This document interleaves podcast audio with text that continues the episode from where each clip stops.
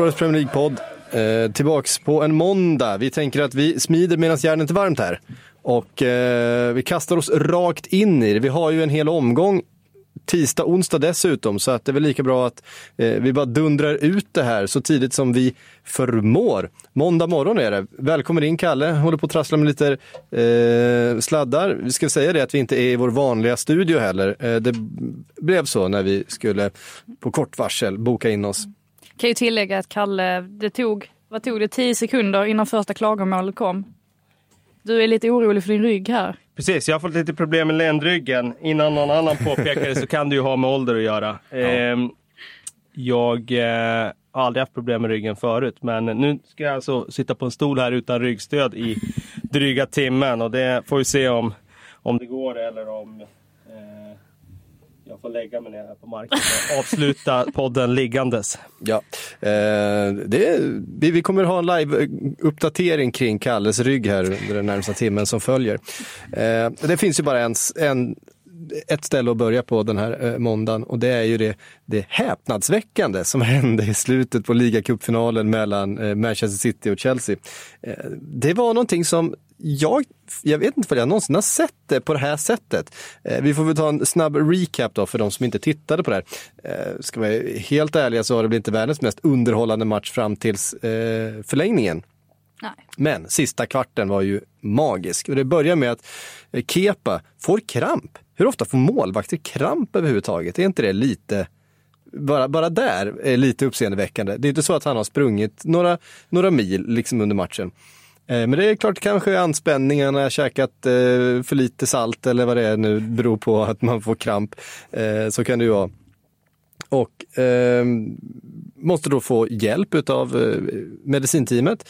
Eh, de kommer in och de sträcker på foten och eh, håller på och signalerar då också till, till bänken, till Sarri, att vi måste byta målvakt. Det är två minuter kvar av förlängningen, sen är det straffläggning. Vi kan inte ha en målvakt med kramp såklart. Sarri ger orden till Will Willy Caballero som börjar snabbt att värma upp, men framförallt bara byta om och ställer sig redo, tejpar på sig handskarna och, och hela, hela köret. Varpå Kepa flyger upp när han på något sätt noterar detta och börjar vinka åt bänken att nej, nej, nej, jag är helt okej, okay. det finns ingen anledning att byta mig, eh, ställ in det här bytet. Eh, och då står ju fjärde domaren då, som har fått då orden ifrån Sarri att annonsera det här bytet. Då, då kommer Frank, eh, Gianfranco Sola och blandar sig i, antagligen som tolk. För Sarri kan kanske inte uttrycka det här så pass bra till fjärdedomaren, vem det nu var eh, att det har helt gått fram. Sola kommer in och säger, men vänta nu, nu säger han att han är okej, okay, varpå en förvirring uppstår. Eh, domaren håller aldrig upp skylten. Han står ju där mer än redo, eh, men han håller aldrig upp skylten. Uh, och istället blir då Kepa kvar. De sätter igång spelet igen och Sarri blir rasande. Han blir fullständigt skogstokig, börjar kasta grejer omkring sig och är på väg ut från arenan. Han ska ju gå därifrån. För det, mm. liksom, Kepa har ju inte gjort som han blev tillsagd här. Eh, han har ju gått emot Sarris order om att nu ska du bytas ut.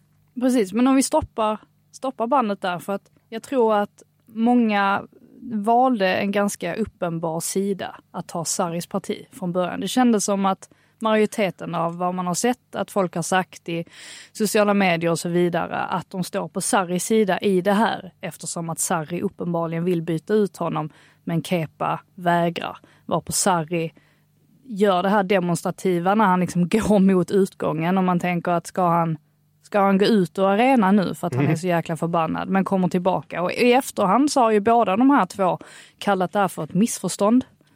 Vilket får mig eh, att tänka att Alltså antingen så är det ju så här att Kepa var ju inte med i matchen mot Malmö på grund av ljumsk problem. Mm. Tror jag det var som var liksom den officiella anledningen till det. Caballero stod den matchen. Eh, det kan ju ha varit så att Sarri har trott att det är samma problem som har poppat upp i den här matchen också, när han sätter sig ner. Jag trodde vid första anblick att det bara handlade om att Kepa skulle fördröja spelet. Ja, det var en maskning helt enkelt. Ja, mm. det, det, var min första tanke när han satte sig ner. Och att det här sker någonting, alltså någonting, en kommunikativ miss. Och sen är det klart att man kan peka på att Kepa ska göra som han blir tillsagd. Men är inte Sarris reaktion också lite, lite överdriven? jag vet att jag, jag märker att jag börjar svänga själv. Jag, jag hade en så klar bild av den här situationen igår. Men nu har jag faktiskt börjat tänka, ju, ju mer jag tänker på det, desto mer tänker jag att blev det inte, blev det inte lite en, en höna av en fjäder? Jo, alltså Sarri måste vara smartare i det läget. Han gör ju situationen värre genom att agera som han gör. Eh, det blir liksom kaos av att han liksom på väg ut i spelargången. Jag menar, säg att han hade fått sån flipp så att han hade gått ut genom spelargången och sen hade han fått sparken. Det hade ju varit den liksom mest dramatiska sortin av en tränare i fotbollshistorien. Mitt under match bara, ja, gå ner i omklädningsrummet och sen fått, fått foten där nere efteråt sen. För det hade ju blivit kontentan av det hela. Det kan det ju bli ändå här på, inom den närmsta framtiden. Men eh, alltså, båda gör ju fel i det här läget. Det är klart att Kepa eh, någonstans eh, ska springa ut till bänken i så fall så får han ju snacka med dem där ute vid sidlinjen då. Så får de ju reda ut det med Sola och Sarri där vid sidlinjen. Eh, det är klart att han visar eh, disrespekt mot sina lagkamrater, sin klubb, sina fans och så vidare när han inte gör som tränaren säger. Eh, sen kan man ju fundera kring eh, Ehm, hur resonerar Sarri när vi gör bytet? Ja, nummer ett, eh, han vill inte ha en, en eh, målvakt som har kramp inför straffläggningen. Nummer två, Caballero är ju en extremt duktig straffmålvakt. Så jag tror att det var en liten grej också i det hela. Att okej, okay, nu får jag ju chansen här att byta målvakt inför straffläggningen. Jag får en anledning att göra det. Och då tror jag att han ville ta den också. Jag tror att det var mm. lite det. Inte så att det var liksom 90 procent anledningen, men jag tror att det var, kanske var 10 procent anledningen och 90 på grund av att han inte vill ta risken att han har en målvakt som har någon känning inför straffarna. Det hade blivit väldigt dråpligt om, om nu Kepa hade ont. För jag tror precis som du säger Frida, att det, det, kan ha varit en maskning från Kepas sida, att han ville få tiden att gå. Men då hade han ju behövt vara tydligare mot bänken med att det var så. Eller till någon lagkamrat, liksom, att eh, det var lugnt. Eh, nu liksom hade det ju varit extremt dråpligt om han verkligen hade fått riktigt ont under straffarna så han inte hade ens kunnat slänga sig. Eh, då, då hade de ju stått där, liksom med, med, eller han hade ju verkligen stått där med, med brallorna nere och liksom skämt ut sig själv inför hela fotbollsvärlden. Konspirationsteoretikern Ian vill ju, eller inte vill, men tror ju kanske också att det finns lite underliggande, att det är någonting annat som, som gnager. Och att det är anledningen till att Sarri får ett sånt här mega utbrott mm. av en sån här typ av grej och anledningen också till att Kepa inte ens går ut och förklarar själv. Alltså precis som du säger vid sidlinjen vad det är som är problemet. Alltså då, då börjar man tänka, hur, hur går egentligen kommunikationen? Jag tror att det är det där superegot som kommer fram hos Kepa. Han inser att det är en minut kvar till straffarna, jag kan bli hjälte. Det är ju, man ska komma ihåg, de här spelarna har ju en otrolig vinnarmentalitet. Det är ju det som har gjort att de har nått den här nivån. Alla i princip är ju liksom extrema vinnarskallar. Och han ser ju såklart sin möjlighet att bli, bli hjälte i det här läget. Och han, jag tror han tänker att går jag ut i sidlinjen då kommer jag inte kunna backtracka det här. Då har jag liksom, står jag kvar här då, då, då kommer de förstå att jag är, jag är hel. Går jag ut i sidlinjen då kommer bytet genomföras. Eh, då kommer de dra mig av plan. Liksom. Och det är klart att det var fel. Det var intressant också det som kom fram efter. Jag visste inte den regeln, men jag har aldrig någonsin sett det i en match. Men om en spelare alltså vägrar gå av planen när man blir utbytt eh, och där när domaren kliver fram till Sarri och frågar om vill du genomföra bytet. Om tränaren då säger att han vill genomföra bytet och spelaren går av, eh, inte går av planen, då får man rött kort. Eh, jag har aldrig sett det någon gång. Jag tror inte att det kommer ske speciellt ofta, men det är ändå intressant att om det hade gått ett varv till, då tror jag nog domarna hade gått fram till Kepa och sagt att om du inte går av planen nu får du rött kort. Mm. Och det hade ju varit ganska eh, mycket att sätta sina lagkamrater på pottan, för då hade de inte haft någon målvakt alls. Eller ja, få ställa en utspelare i mål i, inför straffläggningen. Det hade ju varit sådär. Mm. Mm. Sen, sen kan man ju inte låta bli att undra heller, alltså då efter straffläggningen när vi, när vi sitter med facit i hand, så tänker man, hmm, hade Caballero räddat Agüero straff. Ja, det är klart han hade gjort det. Om han hade slängt sig åt det hållet hade han ju tagit den. Det är, jag tycker. Dels är han ju en bättre straffmålvakt. Han är en fenomenal straffmålvakt, Caballero. Och dels så kändes det som att eh, är man bara skarp, är man bara pigg, då är man lite starkare i nävarna och tar undan den där alltså. Ja.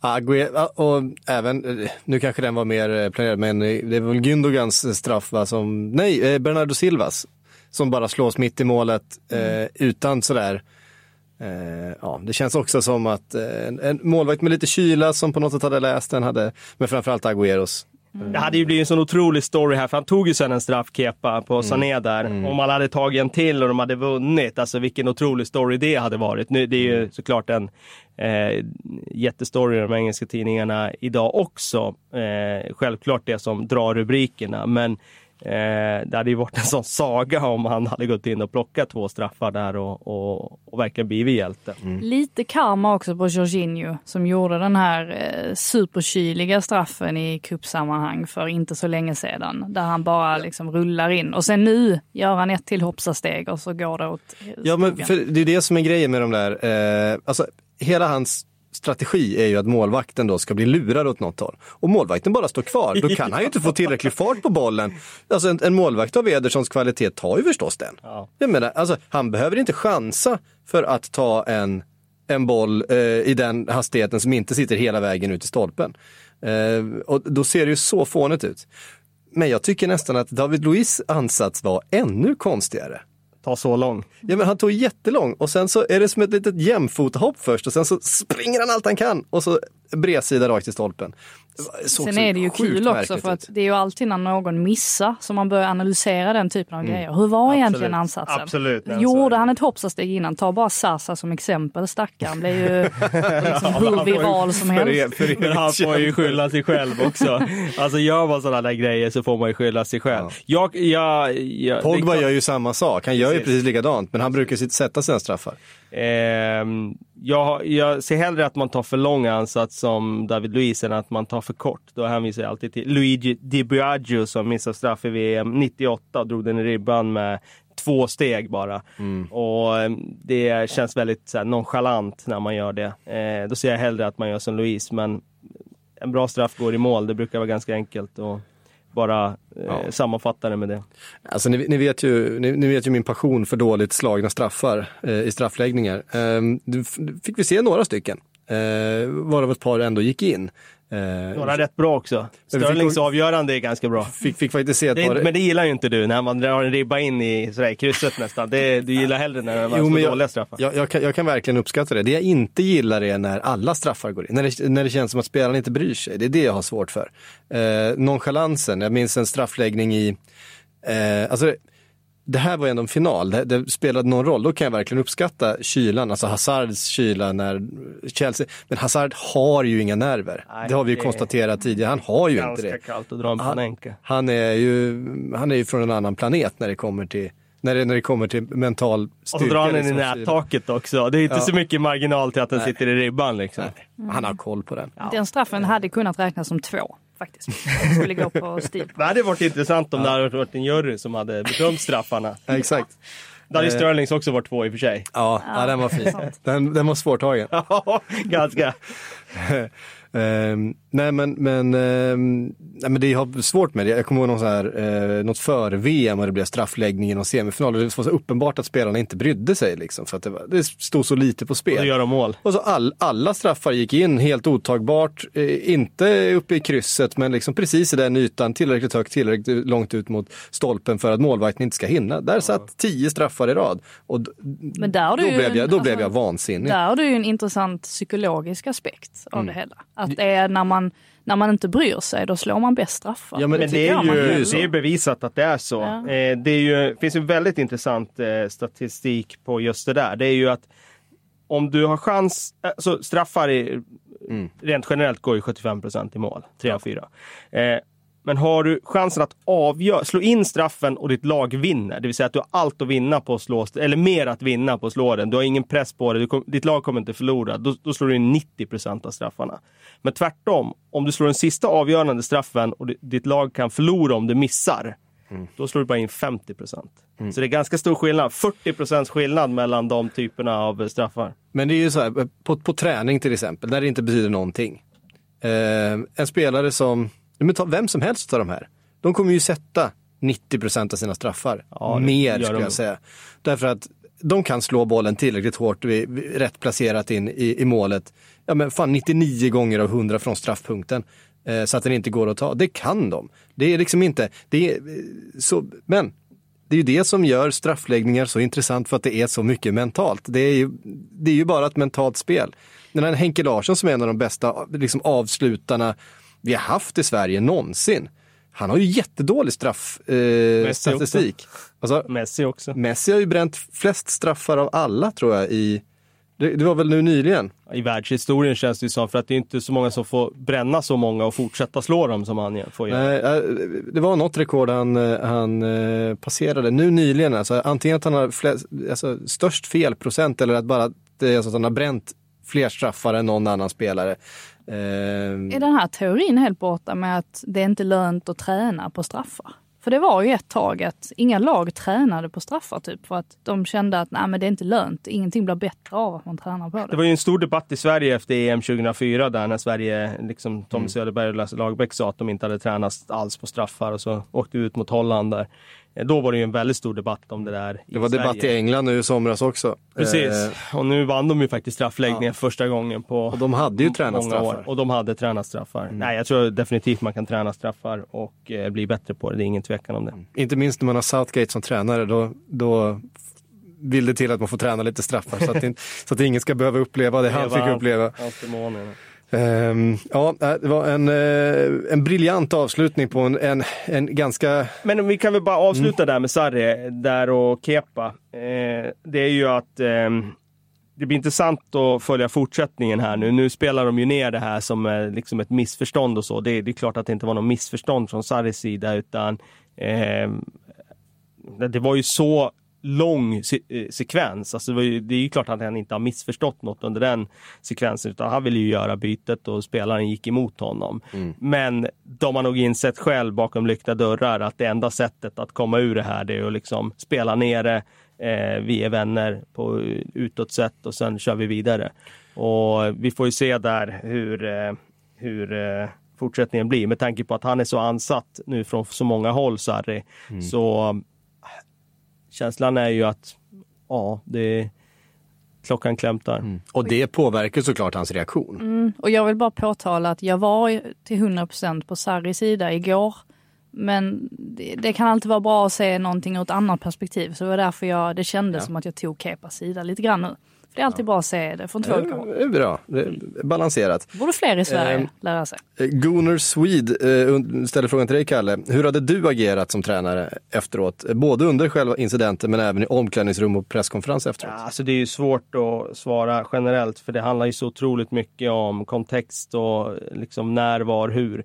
Eh, vilken nivå är du på? Mm. Alltså, du hanterar det på ett sätt i division 5 och du hanterar det på ett sätt i, i ligacupfinalen på den här nivån. Så att det är svårt att säga generellt, men det man kan säga är ju att efteråt så inom lyckta dörrar, då kan de här spelarna höra det mesta eh, mellan fyra ögon. Men eh, utåt sett så ska du nog eh, spela ner det och det är ju det de har gjort. Det är ju det enda sättet för att liksom ha en relation kvar eh, och inte liksom eh, halshugga spelaren offentligt. Mm. Jag, Sarri blir ju faktiskt förödmjukad av mm. Kepa ja. på ett sätt. Alltså inför hela världens ögon. Så på det sättet kan jag, har jag full förståelse för att Sarri blir så förbannad. Och att han säkert fortfarande är förbannad. Ja, nej, han var ju så jävla arg. Och jag menar, du har ju det napol napolitanska kynnet också som... Eh, det, det, tror jag, eh, liksom, det är några extra decibel på det. Eh, så att eh, jag tror att... Eh... Det, det, det, kan ha varit eh, rätt högt i tak eh, i omklädningsrummet efteråt. Det kan det ha varit. Samtidigt kanske det är också så att Sarri inser själv att han inte hanterar det själv på något bra sätt. Mm. Och att han då inser att okej, okay, jag kan inte göra för mycket av, av det här eftersom jag inte själv höll mig kall. Hade han bara hanterat situationen utåt sett på, från bänken där på liksom ett bättre sätt. Vi, hade ju, vi har ju sett spelare som inte har velat bli utbytta tidigare. Inte på det här sättet, men då har ju tränarna liksom Ja men du hade ju det här med Hugo Lloris till exempel i, mm. i Tottenham. Det var ju en huvudskada, det var ju en annan sak och där borde ju, jag menar där kom det ju väldigt hård kritik mot Pochettino efteråt att han inte ja, gick emot spelaren och, mm. och, och plockade ut honom av säkerhetsskäl. Eh, men eh, det blev ju ingen liksom eh, synbar liksom eh, liksom konflikt mellan spelare och tränare då. eh, under matchen och det tror jag är att föredra. Mm. Startar Kepa mot eh, Spurs på onsdag? Ja, det tror jag. Bara för att eh, liksom försöka få folk att glömma det här. Jag tror också han startar. Mm. Eh, lite mer om matchen då. Det här blev ju då Citys första titel. De jagar ju kvadruppeln. Eh, jag vet inte om de någonsin har uttryckt det så själva, men det är klart att andra lägger de orden i deras mun. Ja, Engelsk press har inte varit eh, sena på att köra på det här med kvadruppel. Det kör de ju alltid när ett lag har chansen på det. De borde ju köra det stenhårt där i september, för då har ju alla lagen chansen på en kvadruppel. precis, Brighton går mot kvadruppeln. Nej, de ja. kan ju inte göra det, för de nej, är inte i Europa. Nej, precis. Men, de som är i Europa. Mm. Eh, nej, men det är väl också för att eh, det har väl aldrig hänt va? att någon har vunnit en kvadruppel. Tri trippel 99 på Manchester United är det närmsta. Um... United tog ju trippeln 2008 också i form av att de vann ligacupen det året om jag inte minns helt fel men vann inte FA-cupen. Nej. Um... Precis. Liverpool vann ju en trippel 2001 när de vann eh, ja. alla kupper ja. eh, men inte ligan. Um, Å andra sidan så är väl det här eh, precis som, eh, jag brukar citera Peter Wennman på den här, när han kallade ligacuppokalen för en brödrost. det, är ju, det är ju en brödrost, det så det här är ju den minst, den minst ja. värdefulla. Men alla vill ju ha en brödrost men, samtidigt. Så. Ja, men alla vill ju ha den. Men man är ju med i... Men är Min är trasig nu hemma, så jag vill ja. verkligen ha en brödrost. Jag upptäckte det här förra veckan faktiskt, så det är klart man vill ja. ha en brödrost. Det är bara de är inte värda sådär jättemycket, men det är ändå bra att ha. Ja. Att, mm. um. Eh, nu kommer jag av mig. Eh, jo, men precis. Men, du men, tänkte men, på brödrost där? Men eh, i en kvadruppel så ingår ju en brödrost. Ja, så är det. Eh, man ska ha alla köksmaskiner där hemma. Mm. Eh, det kanske är den minst glamorösa då jämfört med brödbakaren och... Vad är Champions League-bucklan då? Är frågan. Vad likställer man Champions League-bucklan med? Det, är ja, en... det måste vara en sån här tapiyaki-häll eller något sånt nu, ja, nu uttalar jag väl det fel också. Ja, det gjorde du nog. Ja, eh, det, kände, det låg inte rätt i munnen kände jag. Ah, skitsamma. Eh, men för Manchester City då, eh, med minsta möjliga marginal, med, på straffar då, precis som man gjorde förra gången man vann ligacupen 2016. Ehm, och någonstans så är det ju, tror jag, i Klopps, eller i Klopps, i Guardiolas huvud Eh, att han har ett lag som är så pass bra att de kan bli, för att det här laget som ju vi har sagt många gånger är det bästa som någonsin har spelat i Premier League. Eh, med tanke på rekorden de slog förra året. Men det de behöver göra för att verkligen liksom sätta ner foten, och göra det avtrycket som det bästa laget som har spelat, det är ju att göra någonting som ingen har gjort förut. De gjorde det poängmässigt förra året, men skulle de ta den här kvadruppen, då har ju på något sätt Guardiola lämnat sitt avtryck för alltid på den här, eh, på den här ligan. Eh, visst, vi måste liksom man ska såklart ta, ta, in alla ekvationer i hur det här laget har byggts och så vidare, men någonstans så är det ändå spelarna och tränaren som gör det och det är på planen som, som poängen har tagits. Um... Han har ju egentligen haft ett av de absolut svåraste uppdragen den här säsongen så tillvida att han har ju hela tiden försökt motivera sina spelare som vann så mycket förra säsongen att nu måste ni göra det igen och ni måste göra det ännu bättre så att vi kan vinna ännu mer.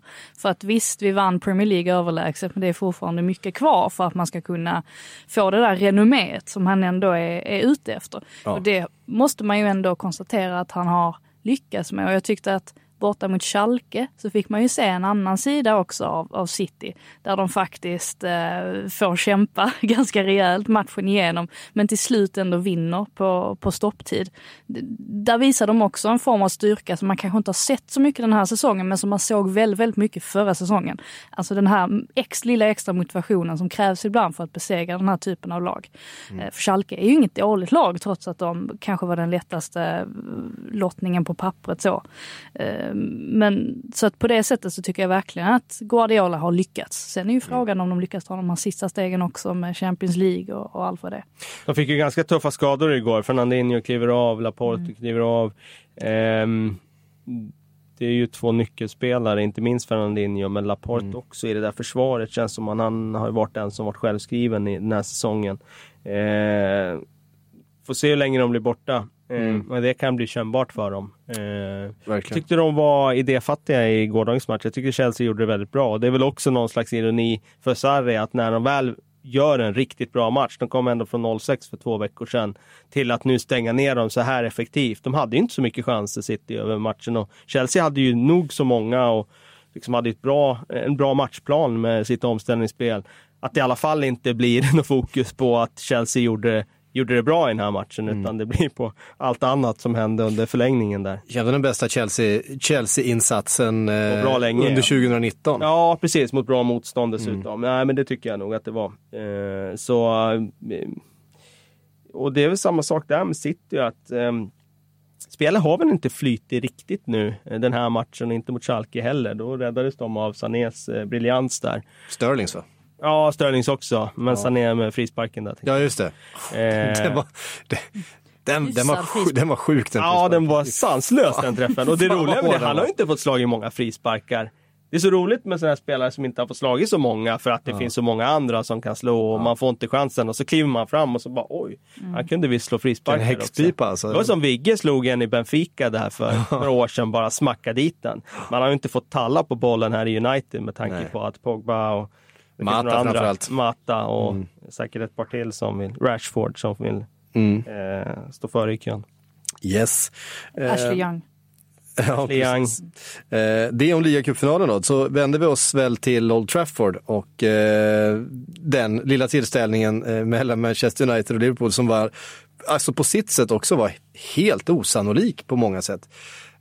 Bara inledningen där, att vi får en, en Ehm, ett tillbakaspel som eh, de Gea tar med handen och sen, det är så, alltså Liverpool-spelarna visste inte vad de skulle göra av den där situationen. Nej, det, känns det är sällan att, man får en indirekt sådär. En indirekt in i straffområdet. Alltså det, var, det fanns...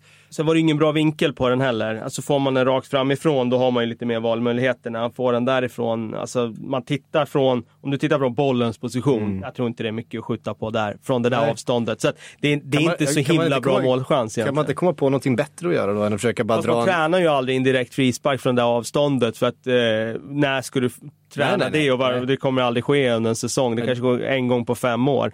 Mm. Det som man får faktiskt får säga, det var ju för att hylla domaren Michael Oliver där, för mm. det var inte många domare som hade uppfattat det så snabbt. Jag tänkte på den regeln där att, för att jag tror nämligen, eh, jag fick ingen bra repris på det, men jag tror nämligen att bollen tar ju först på de Geas fot och sen upp på handen. Jag tror att den rullar bollen. Alltså, jag tror inte det. Spelaren, ja, spelaren kliver ju över bollen. Jag tror ja. inte den studsar ut. Jag tror att den rullar kanske bara på foten och sen upp på handen. Alltså lite lätt touch på foten. Och då är det ju inte en medvetet att han tar den med handen. Men det borde alltså rimligen regeln vara så att vid en hemåtpass, om bollen bara tar på handen någon gång så, så är det så mm. är det indirekt frispark. Det är ingen situation som uppstår ofta direkt. Hur som helst, eh, det var väl en av få intressanta saker som hände i den här matchen överhuvudtaget. Det var ju, det var ju ja, United hade någon, någon ytterligare chans sådär som eh, var någonting att skriva hem om, annars var det ju skador. Mm. Och bara det att, att Manchester United får byta tre spelare i första halvlek och Liverpool får byta en. Det är alltså fyra byten på grund av skador i första halvlek. Det kan jag inte minnas att jag har sett heller. Nej, det är ju... Ja, mot PSG var det ju, det var ju lite liknande situation ändå mot PSG med tanke på att de tvingades byta två, två spelare. Mm. Och, och, därför tänkte jag ju att nu, nu kommer ju den här matchen sluta på samma sätt som den mot PSG. För att när de väl tvingades ta av Martial och Lingard, då, då, då fallerade ju hela deras spel totalt. Så att på det sättet så måste de nog vara jävligt nöjda med att få med sig en poäng här.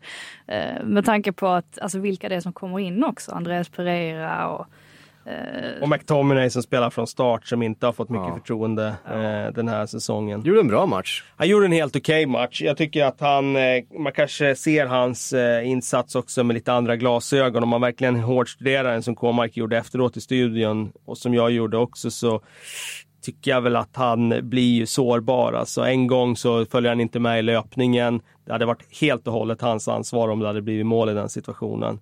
Han tappar ju bollen en gång centralt på egen plan, halva i andra mm. halvlek. Den hade ju Liverpool kunnat straffa. Det hade kunnat bli baklängesmål. Och sen tycker jag nog att det var straff på den andra eh, situationen där när han ryckte i eh, i, Matip, i, i Matip ja. ja. Så det var tre mål han hade kunnat orsakat bakåt och ändå är det som att vissa tycker att han var liksom super och fantastisk. Jo, men han kanske var bra utifrån de liksom glasögonen man, man vill ha på en egen fostrad spelare som får chansen, inte att spela på länge. Men han kunde ha orsakat två, tre mål bakåt. Så att, jag tycker knappt ja, godkänd, inte mer. Mm. Sen förstår jag inte riktigt vad han skulle in med Jesse Lingard att göra. Med tanke på att Jesse Lingard kommer in, tar ett avslut och tvingas av igen. Det är ju, då var han ju uppenbarligen inte... Ja, det säger ju någonting om förtroendet för Alexis Sanchez just nu. Att du ställer hellre in en, en skadad eh, Jesse Lingard med, och riskerar allt vad det innebär än att ställa in eh, Alexis Sanchez. För sen kommer ju Alexis Sanchez in i alla fall. Då hade han inget val. Nej, nej då hade han inget val och, då, och, och var inget bra. Eller ja, han, han, han, eh, det var väl ingen som var speciellt bra i den här matchen känns det som. Ja, Luke Shaw och Lindelöf var ju bra tycker jag. Eh, jag tycker Pogba också är bra. Det är en svår match för honom. Men det som man såg med Pogba var ju att han faktiskt tog ett stort defensivt ansvar i andra mm. halvlek. Och det, det såg man inte direkt att han gjorde under Mourinho. Eh, och sen har han några sådana där aktioner som är spetsiga i första, där han verkligen visar klass tycker jag. Några spelvändningar så på volley mm. som är ja, helt otroliga egentligen. Eh, men eh, jag tycker Liverpool var bra så länge Firmino var på plan. Mm. Eh, men när han klev av, då var det som att eh, anfallsspelet, det flöt inte längre.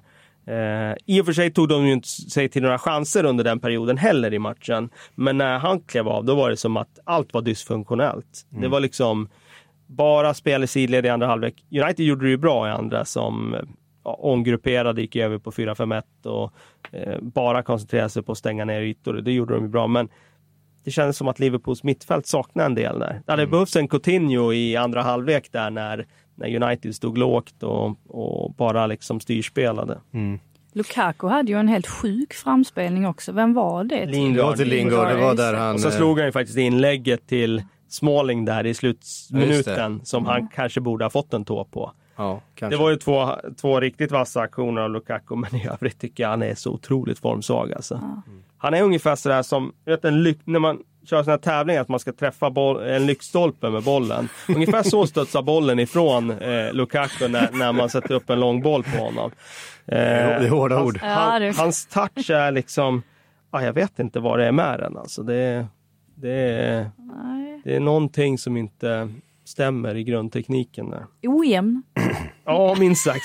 Mm. Men som sagt, han ska ju hyllas för den där framspelningen till Lingard i första, mm. för den var ju verkligen eh, ja, Man, man fin, hajade alltså. till. Ja, ja den var... gjorde en sån där pausfint också, så att försvararna trodde att eh, han liksom fryste spelet i, i en sekund, halv sekund innan han la fram den. Och det var ju eh, verkligen slagen med precision. Ja. Um, det får man väl säga var en fin räddning av Alisson också. Den var, den var svår, just att han, att han inte river ner. Uh, det, där känner man ju alltid att nu är det straff. Liksom. Ja, ja, den är, den är ju på sätt och vis matchavgörande eftersom... Ja, ja, ja. Eh, det är ju matchens de, bästa chans. Ja, så är det. Och frågan är, hade Mignolet eller hade liksom Karius gjort det där? Jag tror inte det. De hade definitivt rivit ner. De hade orsakat straffen. Ja, ja. det är den skillnaden. Ja, jag tror det. Eh, ja, det är jag helt övertygad om. Ja, det är jag också. Eh, men eh, om man då ska, eh, ja, det som du har pratat om, är det här en, en bra poäng för Manchester United, en bra poäng rent resultatmässigt, alltså en poäng borta mot Manchester United i den formen de har varit sådär, så, så är det svårt att hävda att det är en, en, eh, en, en dålig poäng för Liverpool. Men, men jag tror nog att alla åker därifrån med känslan av att fan, det här var en missad chans. Ja, möter man United så får jag tre byten i första halvlek. Jag menar, när jag såg ju på oddset under matchen, för jag kände när, eh, när första bytet gjordes redan eh, mm. där att han haltade av, att Herrera av, då tänkte jag att eh, nu är det fördel Liverpool, så jag gick in på livebettingen då. Så såg jag ju oddset bara sjönk och sjönk när, de, när det blev fler byten. Så alla var ju verkligen inställda på att nu är ju United i brygga och spelar man, är man Liverpool och möter ett mittfält med Pereira och McTominay. Man ska komma mm. ihåg att McTominay har inte spelat mycket alls och Pereira har ju inte rosat marknaden när han har spelat den här säsongen han är rätt välskolad men han har inte varit bra. Alltså. Då, och sen dessutom inget byte kvar att göra och Rashford som haltade från tionde minuten ja. och framåt. Det var ju uppenbart att han inte var 100 procent. Ja. Och att han gick max när han väl liksom fick läge men i övrigt så var han ju Eh, ganska inaktiv. Mm. Eh, han gjorde väl det han kunde med tanke på att han hade ont i foten. Att, eh, ja, han han eh, gick all in när han väl var nära eh, mm. situationen och vankades målchans. Men eh, då måste man vara missnöjd som Liverpool. De får Ja. inte en bättre chans att åka till Old Trafford och vinna enkelt än att möta United när de var så här skadeskjutna. Hade, hade Klopp för mycket? För jag känner eh, lite grann så här att han, han, han bänkar Trent Alexander-Arnold som ju är första högerback liksom med, med marginal och sätta in James Milner istället. Han spelar ett ganska Eh, den- den typen av mittfält som vi har sett i matcher där det, där det ska täppas till mer. Eh, med, med Fabinho då och sen med, framförallt med Henderson och Wijnaldum. Wijnaldum är ju fantastisk på det han gör, alltså hålla i bollen, skapa ytor på mitten och så vidare. Eh, men Henderson är ju verkligen inte den, den kreativa outleten som man, som man önskar sig. Nej, jag tycker de vann mittfält i början av matchen där. Då tyckte jag att de styrde rytmen där och vann duellerna och så. Men eh, de blev ju halta av det mittfältet i andra halvlek tycker jag. Då fanns det ingen kreativitet. Jag tänkte på en sån där spelare som är lite bortglömd i Liverpool, men Lalana. Är inte en sån kreativitet som hade varit intressant i andra halvlek? Shakiri, självklart. Han borde Ja. ju ha fått komma in tidigare. Ja. Men Lalana också. Alltså han hade ju kunnat eh, göra någonting eh, mot liksom lite låga låsta lägen. Det är ju hans specialitet tycker jag. Mm. Han Alltså har så, inte riktigt tagit chansen. Nej, han har inte, nej, nej, jag säger, han har inte varit bra. Jag säger inte att Nej. han borde ha varit inbytt. Jag menar bara att just hans spelartyp Ja. hade varit intressant i, i det läget av matchen. Men jag tror med facit i hand så hade nog eh, Klopp velat ha Naby Keita istället för en Jordan Henderson. Eh, han har mer kreativitet i sig, han kan göra en gubbe och han, han, han kan hitta andra liksom, såna här halvytor som, eh, som Henderson aldrig hittar. Utan han cirkulerar ju boll väldigt mycket och är duktig defensivt. Men jag tror han var väldigt bekymrad över sin högerkant. Pogba och Rashford. Han såg nog framför sig det som blev också med eh, två anfallare om diamant där Rashford kommer ut väldigt brett och kombinerar mycket med Pogba. Eh, och han kände nog att har jag en, en defensivt svagare mittfältare där eh, och, eh, och Trent Alexander-Arnold som är väldigt offensiv, vill fram och vill utmana och, och, och kombinera och slå inlägg och sådär. Ja, då blir det för mycket ytor och det blir för svårt. Så därför sätter vi Milner och Henderson på den kanten för att verkligen, nu ska vi stänga ner deras farligaste vapen. Jag känner att alltså andra sidan då med Herrera och Lukaku, ja men det är inte lika farligt liksom. Så där, där kan vi då sätta eh, Wijnaldum som visserligen är duktig defensivt och sen en Robertson som bombar på. Men de fick liksom inte eh, någon, någon utväxling alls på, på det. Jag kan inte bestämma mig för heller vilka som har värst eller bäst spelschema kvar av City och Liverpool. Det känns som att de är ganska jämbördiga ändå. Kanske att Liverpool har lite, lite, lite svårare matcher i ligan just. Ja. Men eh, Ja, det är två, två stycken topp 6-matcher kvar. Eh, Det är eh, sen har de Wolves framförallt i sista omgången Ja. som kan, kan ju ändå avgöras där. absolut. Tottenham mot Chelsea på hemmaplan är de två matcherna som är kvar för Liverpool. Ehm, Kan ju hänga också på hur långt City nu går i, i Champions League. För nu har jag redan räknat hem att de är klara. eh, ja, alltså tre, bortamål. tre bortamål, då, då ska det väldigt mycket till. Eh, och jag tror det hänger väldigt mycket på hur länge Fernandinho blir borta. Eh, för där har vi sett att det har varit det, den mest utslagsgivande eh, spelaren jämfört med när han spelar och när han inte spelar. Vi lämnar eh, den matchen då. Eh, Ska vi prata om sitt- nästa arga tränare nu? Eh, vem tänker du på? Pochettino? Pochettino. Ja, han var, ja, just det. Han var vansinnig efter, på domaren efter matchen. Eh, Ja, jag tror aldrig Mikey har fått en sån... eh, Det är inte ofta han får det där eh, att någon faktiskt... så alla är ju arga på Mike Dean vid, vid valda tillfällen i en, i en vanlig. I I en vanlig arbetsvecka så har man ju perioder då man är arg på Mike Dean. Eh, Jag undrar om han sa, han måste ha sagt någonting. För det ser ju ut som att Pochettino står och säger, vad, vad, var du, vad sa du? Vad sa du? man vet ju att han säger någonting drygt liksom. Man vet ju Man- att han, man vill ju att han, veta. är ju, han är ju en Man arrogant vill ju så människa, gärna Mike Dean. veta vad han sa. Eh, Ja, som fick bara Pochettino att trilla över kanten där. De fick ju hålla i honom. Hur kan var ju- ingen läppläsare ha knäckt detta redan? Det De var har ju hundratals I sådana. Spanien hade de ju haft hela konversationen. Ja. Det är en Burnley-spelare som går emellan till slut va? Eh, Så var det kanske. Ja, jag tror det. Ett, ifall det är, är det så typ Phil Bardsley eller någon sån där som, eh, som kliver in emellan och får hålla i Pochettino för det. Smockan hänger i luften. Ja, och- säger det att eh, Burnley vann då med eh, två mål mot ett och det ena målet eh, var väl en eventuellt felaktigt given hörna. Eller ja, den var felaktigt given. Det skulle inte blivit en hörna, det skulle blivit inspark. Eh, men jag menar, det är ju en marginal som är så liten att jag har svårt att motivera den nivån utav ilska efteråt. Jag är med på det Jo, du säger, det han måste ha andra- sagt något. Det andra lägret var ju också det här med att, åh ja men Danny Rose då som gick fram 10 meter för att slänga Ja. ett inkast. Eh, Å andra sidan är ju det någonting som är oerhört vanligt förekommande i Ja. eh, alltså match efter match. Eh, Nej, jag, jag blev lite förvånad när jag såg Pochettino att han tappar humöret på det sättet så öppet Mm. eh, inför alla kameror. Och det är ju många som, som liksom var, var snabba med att säga att ja, hade det där varit Mourinho, eh, då hade Mourinho liksom fått, fått ta emot enormt mycket skit.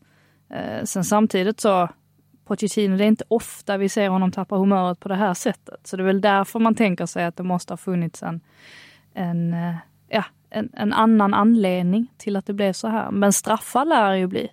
Beroende på vad Mike Dean har sagt. Alltså, Mm. där, där kanske, kanske kommer att bli en förmildring. Det blir. Dean som blir straffad istället. Alltså det hade ju varit... Eh, men det är lite som att polisen skulle anmäla sig själv och sen alltså, bli fälld. Alltså det, det tror jag inte riktigt på. Nej, det tror inte jag heller på. Eh, Men eh, det var underhållande att se. Eh, Vi måste ju säga någonting om eh, Ashley Barnes och eh, Chris Wood i Burnley nu som eh, Alltså det där är ju ett, det där är ju ett jobbigt anfallspar. Ah, jag älskar den alltså. där typen av eh, anfallspar nu för tiden. Vi blev ju förtjusta tidigare under säsongen där när Sam Vokes eh, jobbade ihop med Ashley Barnes och skruvade tillbaka tiden till en eh, era när Premier League handlade om den typen av spel uteslutande. Nu blir man ju glad när man får se det som omväxling. Ja. Och det är väl bara att lyfta på hatten för Burnley nu, för nu har de väl åtta raka utan förlust tror jag. Och eh, sen Tom Heaton kom in i kassen så har de ju varit ett av ligans mest formstarka lag. Och de var ju, eh, ja, vad ska jag säga, på en nedåtgående spiral som såg ut att kunna bli riktigt, riktigt negativ. Eh, men de har ju löst det nu och det, det känns som lite tillbaka till gamla Burnley. Och det, det är den identiteten de eh, gör sig bäst i. För det är nog Heaton som är nyckeln i den här framgången ändå. Det, det tror jag definitivt. Så hans räddning på, på eh, Harry Kanes skott Ja. eh, som går mot bortre krysset och man såg Harry Kane att han var helt säker, han fick ju precis den träffen han ville ha. Han var helt säker på att den skulle gå in men, men Heaton är ju där och, och, och räddar den och man ser ju att Harry Kane springer fram direkt efter till Heaton och säger väl det där. Fan jag var helt säker på att den skulle gå in liksom. Mm. Eh, det är en jävla dunderräddning han gör där. Men just det där lugnet också, att Burnleys backlinje och så här, att de vet om att det står någon längst bak som har koll på läget. Jag tror att det är, eh, alltså Joe Hart är ju, han är ju vad han är. Och det är inte det att han har varit, han har egentligen inte varit katastrofalt dålig eh, när han har stått i Burnley, men han, han ger ju inte det lugnet. Han är ju inte den toppmålvakten som man ändå trodde att han var en Nej. gång i tiden. Det han kommer ju aldrig nå upp till den nivån igen. Eh, nej, det är sant. Och, ehm, och Burnley skapade ju en hel del. De skapade ju mer. Jeff Hendrick hade ett väldigt bra eh, läge där eh, bollen studsade fram. Glädjer Je- mig också att McNeil har ju spelat sig in i Burnleys elva nu. Mm. Unga som kom från egna led. Chansen i höstas så ja, nu startar han ju match efter match. Jag tycker han är intressant. Mm. Det är inte alltid sådana lag får fram egna spelare. De här Stoke och Burnley och den där typen av lag. Det känns som att det är ganska sällan de släpper fram från egna led.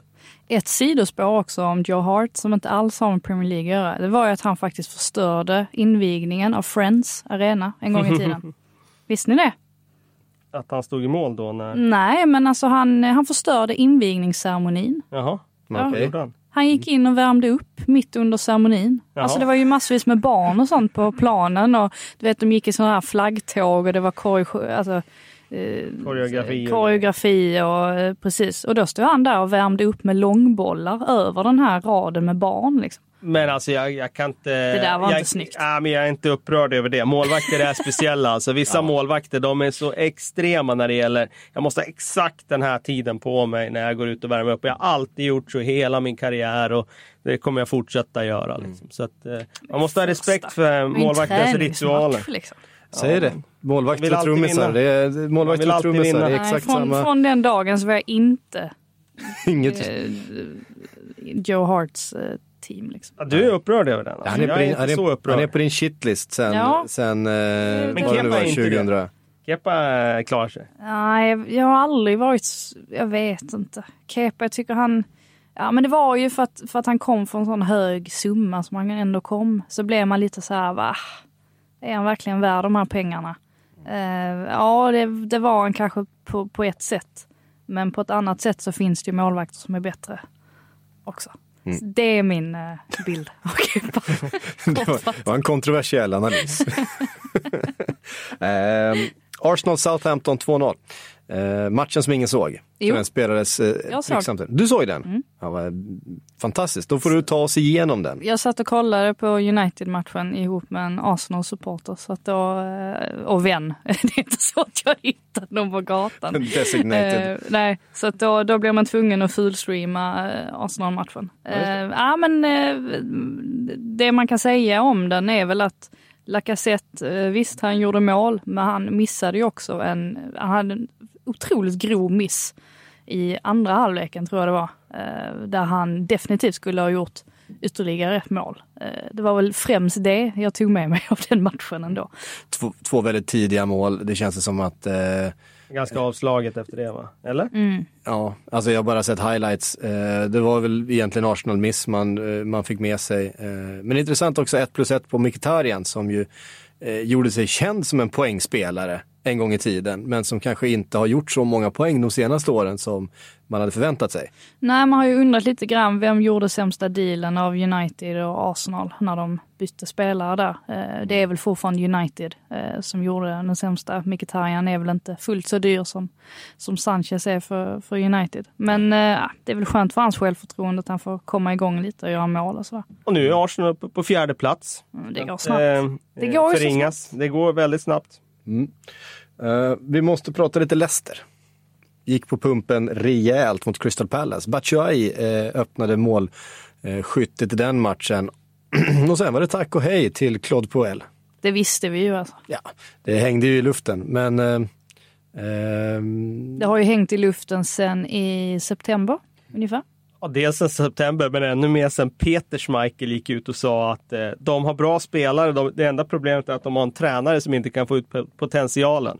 Då, då kan ju alla lägga ihop ett och ett. Att det är, om, jag- om han är pappa till Kasper så bör den där åsikten komma från omklädningsrummet. eh, och då, och Kasper har ju väldigt mycket att säga till om i det här laget. Verkligen, så att eh, då var det motvänt för den gode Claude. Jag, jag har ju sympati för honom. Eh, jag har sympati för honom efter SA-15 eh, tiden. Jag vet att det är många Saints-fans som tycker att det var jättetråkigt att se eh, SA-15 spela fotboll, men sluta åtta i tabellen. Jag tyckte inte det var så tråkigt. Alltså, i- Alltså jag tycker att den var lite överdriven faktiskt. Eh, jag väger också ihop det med Men de skulle ju ta nästa kliv i, i De var ju- tabellen. Liksom. Jo men åttonde plats i tabellen, jag menar nästa Ja. kliv. Han försökte ju ändå gå mot att eh, eh, Eh, ja, jag vet inte, äga bollen lite mer. Men eh, det har ju inte funkat alls i, i Leicester med tanke på hur omställningsbaserade de var och så vidare. Och de var, gjorde väl okej förra året under honom, eh, men eh, det verkar som att det är någonting hos honom som eh, över tid så, så gör han sig impopulär. Men- Jo, han är väl ganska arrogant också, alltså som människa. Han, det känns som att han, eh, han skiter lite grann i vad supportrar tycker och han skiter väl till och med i vad ägare tycker i mångt och mycket. Jag tycker man har fått den känslan när han har pratat. Liksom. Eh, jag tror inte att det gynnar någon som vill behålla sitt jobb i, i slutändan. Men är inte Leicester också ett ovanligt otacksamt jobb just nu? För att du har ju den här, den här ryggraden av spelare som har så oerhört mycket att säga till om och känner att det här är deras lag. Du har ju Kasper Schmeichel och Jamie Vardy och Morgan och Albrighton, Albrighton. West, ja, Mrs Morgan. Ja, precis. Och alltså sådär som, som uh, verkligen, men de har vunnit ligan med det här laget. De har gjort något så helt, helt uh, extraordinärt. Det här är ju deras, här är ju deras lag. Du ska inte liksom komma in där och, och börja liksom med, för, med för många pekpinnar och, och bete dig och ha attityd, utan där ska du komma in och visa lite respekt för de här spelarna. Jag får den känslan i alla fall. Att, och jag tror till och med en sån att det där är ett omklädningsrum som jävligt snabbt eh, fatt, bildar sig en uppfattning om tränare som har kommit in. Och vi har ju sett ganska många passera nu sen, sen Ranieri fick sparken. Ja, och till och med en sån som alltså Harry Maguire som har den statusen han har i landslaget. Jag tror Mm. att en sån sak spelar in också, även, alltså att det spiller över på klubblaget. Att han har säkert också mycket att säga till om. Trots att han inte var med när man Mm. tog den här eh, ligatiteln. Man har Ben Chilwell också, som också är så här l- lovande och Mm. Okazaki har varit där hela tiden. Han tror jag dock inte Eh, är något problem. Han känns, i- känns som en, det, det känns som en en, väldigt gladlynt och Ja. Ständigt leende i Ja. japan. Som, jag tror inte han ställer till några bekymmer. Nej, men jag tror att ligatiteln nu när man, det har gått ett tag, det blir nästan bara ett ok för en ny tränare som kommer in. För vad ska de jämföras med? Det finns kanske några som får för sig att de ska jämföras med the good old days som inte är så länge sedan, alltså några år sedan när de vann ligan. Och, ja visst, vi kanske inte vinner ligan igen, men vi borde ju självklart vara uppe där och hota mot sjätteplatsen. Eh, vi ska ju definitivt vara best of the rest. Och det tror jag blir ett ok nu för att eh, de är ju någonstans tillbaka i verkligheten. Jag menar, de ska vara där någonstans i mitten av tabellen. Bättre än så är de inte. Det finns inget hos mig som säger att Leicester är bättre än Watford, Everton, eh, Wolves för den delen. Jag menar, där hade du tre lag och då är, alla, då är de ju tia. Om de är bakom de där tre. Så att ehm, Life is made up of many gorgeous moments. Cherish them all, big and small, with Blue Nile. Whether it's for yourself or a loved one, Blue Nile's unrivaled selection of expertly crafted fine jewelry and statement pieces help make all your moments sparkle. Blue Nile's experts are on hand to guide you, and their diamond guarantee ensures you get the highest quality at the best price. Celebrate a life well lived in the most radiant way and save up to 30% at BlueNile.com. That's BlueNile.com. jag tror att det är tufft. Det måste komma in en riktig sån no nonsense figur som Nigel Pearson kommer tillbaka. kommer tillbaka. Och, ja, gör entré och börjar snacka om strutsar och grejer. eh, och, Man blir ju besviken om de tar in någon jäkla fossil nu liksom och, får- och liksom börjar prata, alltså om det ska vara någon sån här snabblösning. men de snackar Brendan Rodgers va? Ja, för nu, kommer in. nu vill man ju att de ska, nu ska de ju ha en plan liksom, en långsiktig plan för så här vill vi spela fotboll och sen så anställer de en tränare ut efter Mm. det. Alltså man hoppas ju att de har tänkt till att det här inte bara är Men det tvivlar jag på att de har gjort. Alltså, det känns inte Leicester att göra det utan ja, man, får ju, man får ju mycket känslan av att här, eh, ska nog släcka. här, ja, men här, här behövde bara, det, det prioriterat var att Poel försvann här. Ja, precis. här Och sen jag menar om Brendan kommer in, då blir det ju knappast något Jamie Vardy-spel. Då blir det ju eh, passningstrianglar och så vidare. Och, possession och 4-2-3-1. ja, precis. Så det jag har svårt att se att eh, det skulle vara någon, något avsteg mot det gamla Leicester som, som Jamie Vardy vill ha. Det tror jag inte. Graham Potter. Nej, det tror jag inte. Det är ju samma sak där. Det är ju inte heller någonting mot gamla Leicester. Jag tror inte att det är någon tränare som kommer in och får gehör från Vardy och company. Däremot så sätter jag stor tilltro till Potter när det gäller att ta andra typer av klubbar. Alltså hade jag, hade jag varit eh, Leicesters ägare nu så hade jag ju cashat in allt på att försöka lösa Benitez i sommar. Eh, Ja, det, Det hade ju varit det är eh, Det har ju liksom, ryktats lite om det. eh, för att Kontraktet väl- går ut, kontrakt- han är missnöjd. Ja, han, han, han trivs inte där Och där får han ju också ett steg uppåt i eh, alltså möjlighet att hota uppåt mot Europaplats redan nästa säsong. Ja.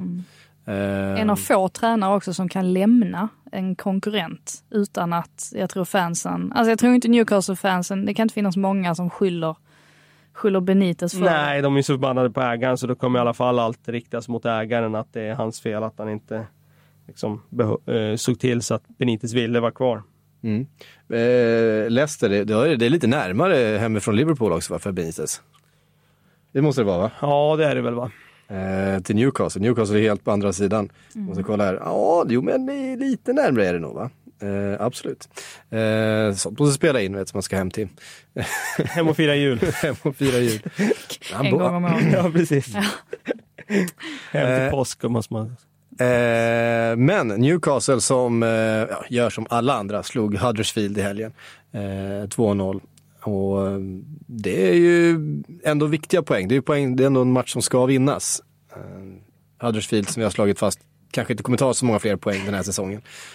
Nej, nu har nog luften gått ur den stackars klubben. Ja. Får väl hoppas att de får ut någonting av den här säsongen dock. Ja. Ehm, för kvar blir de inte i alla fall.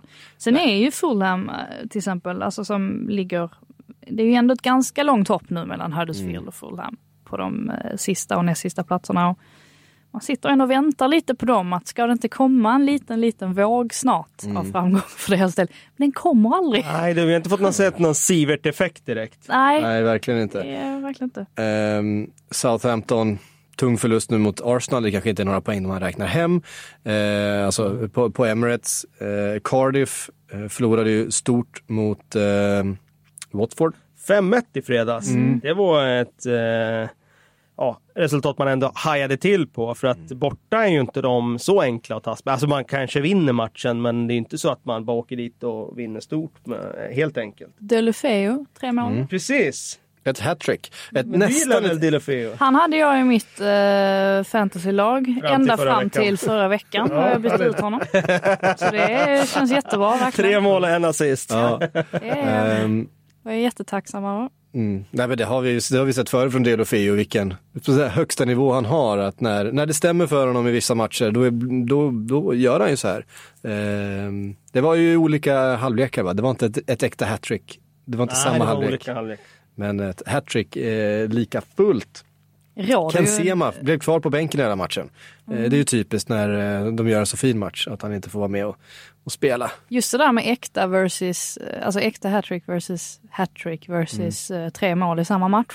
Det, det, är, det är ganska hets, hetsiga diskussioner kring det Ja, här. du påstår det. Så här, tre mål i samma match är ett hattrick. Jag håller helt med. Eh, ett äkta hattrick däremot, då ska det vara i följd, utan andra mål emellan och i samma halvlek. Stämmer. Mm. Och det perfect hattrick det är att göra ett med höger, en med vänstern och en eh, nick. Eller, eller med armen som Agüero gjorde. Ja, just det. Ja, men då, vad skönt, då hänvisar jag till er. Det kan du göra. Och ett, och, ett, och ett John Joe Shelby hattrick är ett drömmål, ett självmål och ett rött kort. Mm, ja, ja. Mm, ja, vad skönt. Eh, Då har vi rätt ut det. Vet ni vad, vi ska svara på lite frågor eh, före vi knyter ihop säcken här eh, från vår tillfälliga studio. Eh, Daniel Kristiansson. Ja, den Daniel Kristiansson. Eh, Han är bekymrad. Han skriver, vad händer med engelska fotbollen om giganten Ipswich åker ur Championship? Kan bero på att kära DK har ett Ipswich-hjärta här. Ja, men han är väl inte den enda i, i, eh, i Nej, Sverige Niklas, som har Niklas. Holmgren är också eh, ett fan av Tractor Boys.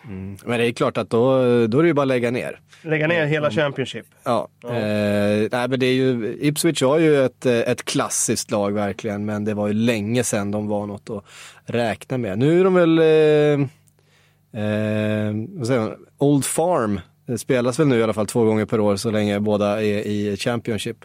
Eh, Ipswich, Ipswich och Norwich. Men det är klart, åker Ipswich ut då får vi kanske inget eh, Old Farm på ett eh, par år. Det är ändå fem poäng upp till Bolton på näst sista plats. Och sen så är det ytterligare alltså nio poäng upp till säker mark. Det är ganska mycket alltså. Det, är inte, det, är inte, det återstår inte mycket av, eh, av säsongen heller. Men det, är, det jag tycker man har sett det mer och mer nu att det blir lite sådär att helt plötsligt så kommer en gammal anrik klubb och bara kollapsar rakt ner i, i League One. Och så ligger de där och skvalpar istället. Alltså det är ju genomgående både i England men även i Sverige också. Att det, det oftast blir sådär lite. Blir det magplask en gång så blir det gärna två gånger och tre gånger. Och sen är liksom klubben helt borta och sen är det typ omöjligt att kämpa sig tillbaka. Eh, Jag är väl snarare mm, lite mer bekymrad över Swansea exempelvis som precis åkt ur PL i princip och redan känns som att, det känns som det var hundratals år sedan de var, de var i Premier League för att de beter sig verkligen inte som en sån klubb. Eh, där är ju, de har ju riktigt grova problem. Eh, och ligger ändå på tolfte plats så de klarar ju sig. Eh, räddar ju nytt kontrakt i Championship. Men det är rent långsiktigt så kan de nog också få problem om det inte löser sig. Eh, Eh, jag har sparat en punkt till eh, frågorna här och det handlar ju den eh, om Chelsea och transferförbudet som kommunicerades i- slutet på förra veckan, eller i fredags var det väl. Ehm, jag har fått en fråga från William Erbo Olofsson som undrar varför straffas Chelsea men enligt mig inte de stora bovarna i fotbollen Manchester City och PSG? Eh, är det dags att lägga ner Fifa och Uefa? Man blandar ihop äpplen och päron här. Att de eh, sakerna som eh, Manchester City och PSG nu avslöjats göra har hamnat, handlat om eh, fiffel med pengar.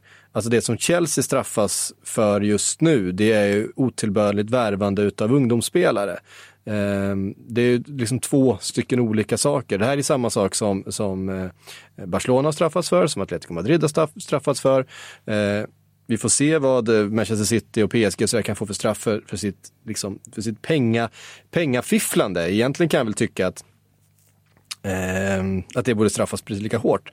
Eh, men det gör det normalt sett inte utan det här, just det här handeln med, med eh, alltså att köpa för unga spelare då i för hög utsträckning från, från olika delar av världen. Det är ju en av de sakerna som bestraffas hårdast inom fotbollen och någonting som, som både Fifa och Uefa har valt att verkligen slå ner stenhårt på. Det finns ganska goda anledningar till det för det finns eh, det, det finns ganska stora problem, inte eh, så mycket i Premier League kanske, men eh, på andra delar utav eh, i fotbolls-Europa finns det stora delar med en fotbollstrafficking till exempel som är, som är extremt smutsig och, och mm, det sker nästan ren handel med barn eh, för unga fotbollsspelare som är oerhört eh, eh, beklaglig på alla sätt och vis. Och, eh, den hänger ihop med varför det är ganska tuffa straff just för den här typen utav, eh, utav regelbrott. Eh, så det, det handlar ju om varför Chelsea straffas nu då. Det är för att man helt enkelt har köpt för mycket ungdomar ur en viss äh, åldersgrupp, spelat dem äh, på fel sätt och så vidare. Jag kan inte exakt hur reglerna är utformade men, men Chelsea har i alla fall brutit mot dem. Och det... Ja, du får inte värva icke-EU-spelare under eh, 18 år. Nej. Om de inte flyttar till landet av icke fotbollsrelaterad anledning. Ja. Och det var ju där som man började med att gå runt. Eh, man flyttade över hela familjen, jag gav ja, dem ett man, jobb. Man gav pappan och mamman ett jobb och så flyttade de av den anledningen. Det var ju så de började med att komma runt reglerna för ja, men drygt tio år sedan. Då körde ju alla klubbar den. Mm. Eh, och sen ja, stävjade de, täppte de till det, eh, liksom, den luckan i lagen och, och sen eh, har de blivit tuffare på att se eh, liksom, de här fallen. Och ja, jag tror att det finns ett stort mörkertal när det gäller det här fortfarande.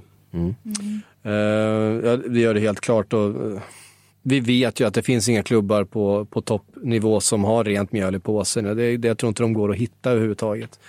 Uh, Nej, frågan är väl vad det här betyder för Chelsea mm. som klubb.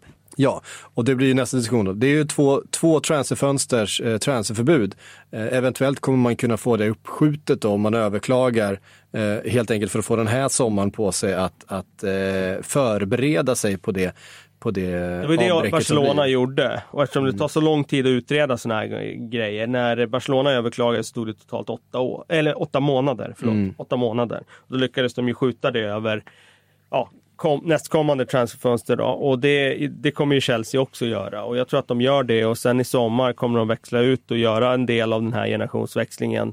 Och då tror jag det blir lite av en storstädning där de förbereder sig för ett år där man inte får värva spelare. Man kanske värvar ytterligare en spelare. Det mm. stora frågetecknet och liksom de mörka molnen som hänger över Chelsea, det är ju Roman Abramovic situationen. Hur pass eh, liksom dedikerad är han till att pumpa in nya pengar nu när han har eh, den här problematiken med Storbritannien. Eh, jag, jag, tror att eh, Chelsea står inför eh, väldigt, väldigt eh, tuff framtid här nu.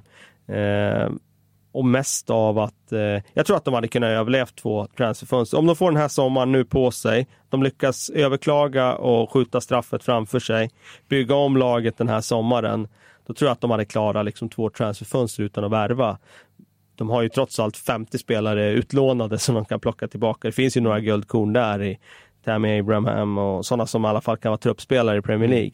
Men jag tror det stora problemet för dem det är just Abramovic situationen och vad som kommer ske där. Mm. Och ska man jämföra med Atleti då som också hade värvningsförbud så lyckades de ju ändå behålla de allra viktigaste spelarna, alltså Griezmann och, och liksom hela stummen i laget. Men Eden Hazard kommer ju definitivt vilja lämna i sommar. Man kan inte se någonting annat. Det är ju nu eller aldrig för hans del, känns det som. Och jag menar, de hade Atleti hade Diego Costa som till och med eh, liksom stod över och, och, bara tränade med laget i ett halvår eh, innan han kunde bli registrerad. Alltså, de hade ju ändå det, det flyter på sin sida. Alltså, det blir ju ingen lätt situation för Chelsea om de har spelare som vill bort ifrån klubben. Precis som Arda, Arda Turan gjorde för, Barcelona. För Barcelona. Mm. Tänkte mm. på det, då, jag tror att man är ganska värdekänslig om man ska vara i ett land eh, utan att spela matcher. Så där. Då vill man nog gärna att solen ska skina.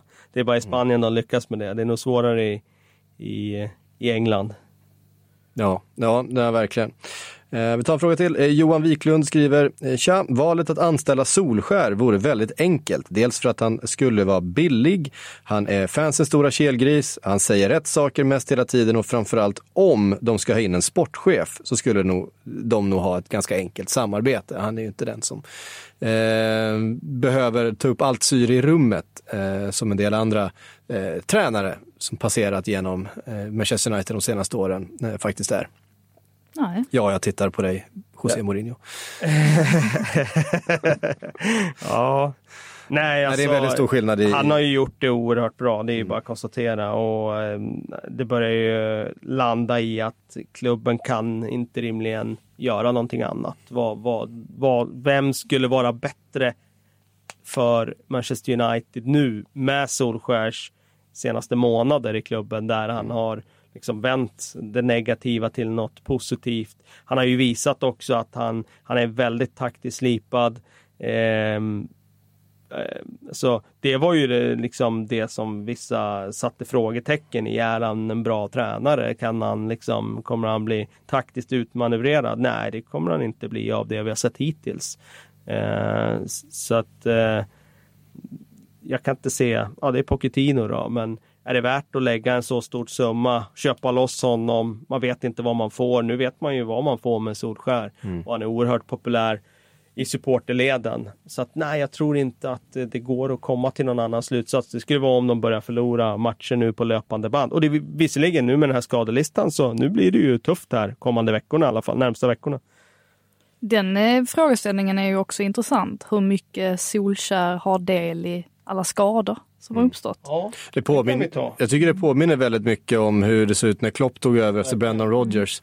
Eh, det blev en helt annan intensitet i, i löpningarna. Det blev eh, ganska lite rotation också för att han ville gärna spela in ett lag och då blev de här muskelskadorna ganska frekventa.